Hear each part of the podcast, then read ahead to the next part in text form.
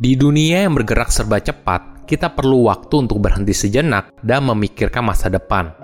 Halo semuanya, nama saya Michael. Selamat datang di channel saya, Sikutu Buku. Kali ini saya akan bahas buku Thank You for Being Late karya Thomas L. Friedman. Sebelum kita mulai, buat kalian yang mau support channel ini agar terus berkarya, caranya gampang banget.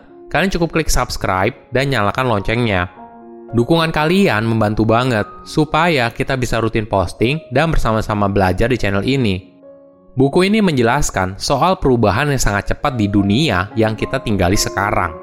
Kita pasti pernah merasakannya. Kenapa dunia terasa begitu cepat berubah? Dunia yang kita kenal saat kecil, dalam waktu beberapa puluh tahun kemudian, semuanya sudah berubah secara signifikan. Apa yang terjadi? Thomas menjelaskan, untuk memahami apa yang terjadi di abad ke-21, maka kita harus memahami tiga kekuatan besarnya, yaitu teknologi, globalisasi, dan perubahan iklim. Ketiga hal ini mempercepat perubahan dunia yang dulu kita kenal hingga menjadi seperti sekarang. Dan mungkin dalam beberapa tahun mendatang, dunia ini sudah berubah lagi. Untuk itu, kita perlu melambatkan diri kita untuk beradaptasi di setiap perubahan yang terjadi di dunia dan membuat kita agar terus relevan. Saya merangkumnya menjadi tiga hal penting dari buku ini. Pertama, perkembangan teknologi abad ke-21. Teknologi merupakan pendorong terbesar di balik perubahan yang kita alami sekarang. Thomas menjelaskan, percepatan ini dimulai pada tahun 2007. Itu adalah tahun di mana iPhone, Android, teknologi cloud computing, dan sebagainya pertama kali diluncurkan. Dia berpendapat kalau tahun 2007 merupakan titik balik dari sejarah umat manusia. Bukan hanya contoh yang disebutkan sebelumnya, tapi saat itu juga, traffic mobile data dari salah satu telekomunikasi di Amerika Serikat yaitu AT&T meningkat hingga 100.000 persen. Ada teori menarik yang menjelaskan fenomena ini, yaitu hukum Moore. Jadi, hukum ini berasal dari pengamatan dari pendiri Intel bernama Gordon Moore pada tahun 1965. Dia menyatakan kalau kemampuan microchip akan meningkat dua kali lipat setiap dua tahun. Walaupun kekuatannya meningkat drastis, namun dari segi biaya akan semakin menurun. Di tahun tersebut, perkembangan teknologi yang pesat juga bersinggungan dengan perdagangan global, perkembangan jejaring sosial, dan traffic informasi yang sangat banyak. Di sisi lain, perkembangan ini juga berdampak pada alam dalam bentuk perubahan iklim dan ledakan populasi yang semakin banyak. Kondisi ini membuat manusia harus terus beradaptasi pada lingkungan yang bergerak serba cepat. Kita tidak bisa lagi mengharapkan segala sesuatu bisa berjalan stabil dalam jangka panjang. Namun yang sekarang kita harus lakukan adalah seperti naik sepeda terus bergerak agar kita tidak jatuh. Thomas merasakan sendiri perubahan teknologi yang sangat pesat di era hidupnya. Pada tahun 1978, dia harus mengantri telepon umum di Inggris untuk menginformasikan berita kepada editornya yang berada di Amerika Serikat. Sekarang, dia hanya cukup mengirimkan email dari Inggris atau bahkan dari pedalaman Afrika, lalu dapat langsung diterbitkan di website New York Times. Bahkan saking cepatnya perkembangan teknologi, Thomas sampai harus interview para ahli teknologi minimal dua kali untuk melakukan riset dalam menulis buku ini. Perkembangan teknologi yang tidak lagi berjalan linear namun eksponensial membuat kita harus beradaptasi. Contohnya seperti ini. Selama puluhan tahun sebelumnya, memerah susu sapi merupakan pekerjaan manual yang butuh keahlian seorang peternak. Namun sekarang, komputer sudah digunakan untuk memantau aliran susu dan rantai produksinya. Jadi jangan heran Beberapa tahun mendatang, kita akan lihat peternak tidak lagi tampil lusuh dan kotor karena menghabiskan banyak waktu di ladang, namun akan lebih banyak menghabiskan waktu sebagai data analis.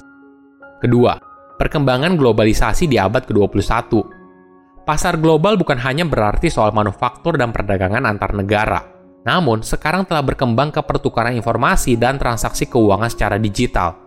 Contohnya seperti ini, pertukaran informasi yang sekarang terjadi di YouTube, transaksi antara penyewa dan pemilik kamar di Airbnb, dan sebagainya. Ini yang membuat dunia saling terhubung satu sama lain. Informasi yang ada di belahan dunia lain dapat dengan mudah kita ketahui. Contohnya, ketika anak Elon Musk baru lahir dan kemudian memiliki nama yang unik, SE12. Ini merupakan sebuah informasi yang viral dan hampir semua orang membicarakannya pada masa itu. Kejadian ini tidak mungkin terbayangkan oleh generasi sebelumnya. Contoh lain saat tahun 2012, sebuah foto dari istri mantan Presiden Amerika Serikat yaitu Michelle Obama yang mengenakan baju dari toko fashion online bernama Asos yang kemudian di-retweet di Twitter sebanyak 816 ribu kali dan dalam sekejap baju tersebut sudah habis terjual. Arus informasi yang berkembang sangat cepat membuat semuanya berubah. Coba bayangkan, Di zaman dulu, usaha yang dijalankan atau pekerjaan yang dilakukan bisa bertahan seumur hidup. Namun di era sekarang, kita harus terus meningkatkan kemampuan kita agar terus relevan.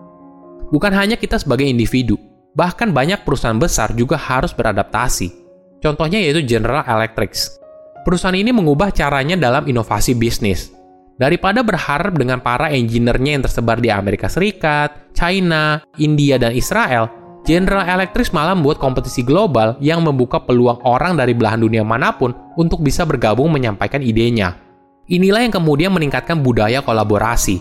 Sebagai contoh, komunitas online bernama Airloop yang menghubungkan ribuan orang yang memiliki mindset yang sama, yaitu menciptakan transportasi masa depan bernama Hyperloop. Banyak dari mereka tidak pernah bertemu satu sama lain, namun perkembangan teknologi membuat mereka bisa berkolaborasi dan menghasilkan kemajuan luar biasa. Namun di sisi lain, arus informasi yang semakin mudah membuat setiap orang bisa menyebarkan informasi apa pun tanpa filter. Itulah yang kemudian menyuburkan berita hoaks dan kaum ekstremis. Bahkan suara ekstremis yang jumlahnya sedikit, namun bisa terlihat sangat besar di era digital. Ketiga, perubahan iklim di abad ke-21. Mungkin kita sering dengar soal hal ini. Dunia semakin panas, laut semakin tinggi, dan CO2 juga semakin tinggi di sisi lain, populasi yang terus meningkat membuat sumber daya semakin menipis. Tentu saja hal ini cukup menakutkan. Ditambah lagi, dampak dari perubahan iklim ini adalah migrasi penduduk. Sebagai informasi, 2 per 3 dari semua migrasi di Amerika Serikat berasal dari banyak tempat dan sering kali berhubungan dengan perubahan iklim. Walaupun begitu, teknologi dan globalisasi dapat menghubungkan setiap orang dan bisa berkolaborasi untuk mencari solusi bersama atas masalah perubahan iklim. Thomas mencontohkan bagaimana kemampuan perubahan ini mampu merubah kota halamannya, yaitu St. Louis Park di Minnesota. Dulunya, kota halamannya merupakan tempat yang homogen, namun sekarang sudah menjadi kota yang multikultural. Bukan hanya itu, pemimpin yang visioner membuat ekonomi masyarakat di wilayah tersebut naik kelas berkat lapangan pekerjaan yang baik dan sistem pendidikan. Inilah keindahan dunia yang saling terkoneksi, di mana kita tidak boleh egois dan mementingkan diri sendiri, namun, kita bersama sebagai bagian dari masyarakat dunia. Terakhir ada yang menarik dari judul buku Thomas. Thank you for being late merupakan respon kepada setiap orang yang telat ketika mengadakan janji pertemuan dengannya. Waktu menunggu itu lalu digunakan oleh Thomas untuk berhenti sejenak dan merefleksikan momen yang ada di hidupnya.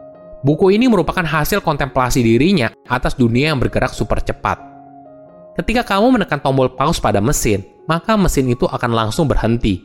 Namun ketika kamu menekan tombol pause pada manusia, mereka akan mulai merenung dan merefleksikan masa depan. Silahkan komen di kolom komentar pelajaran apa yang kalian dapat ketika baca buku ini. Selain itu, komen juga mau buku apa lagi yang saya review di video berikutnya. Saya undur diri, jangan lupa subscribe channel YouTube Sikutu Buku. Bye bye.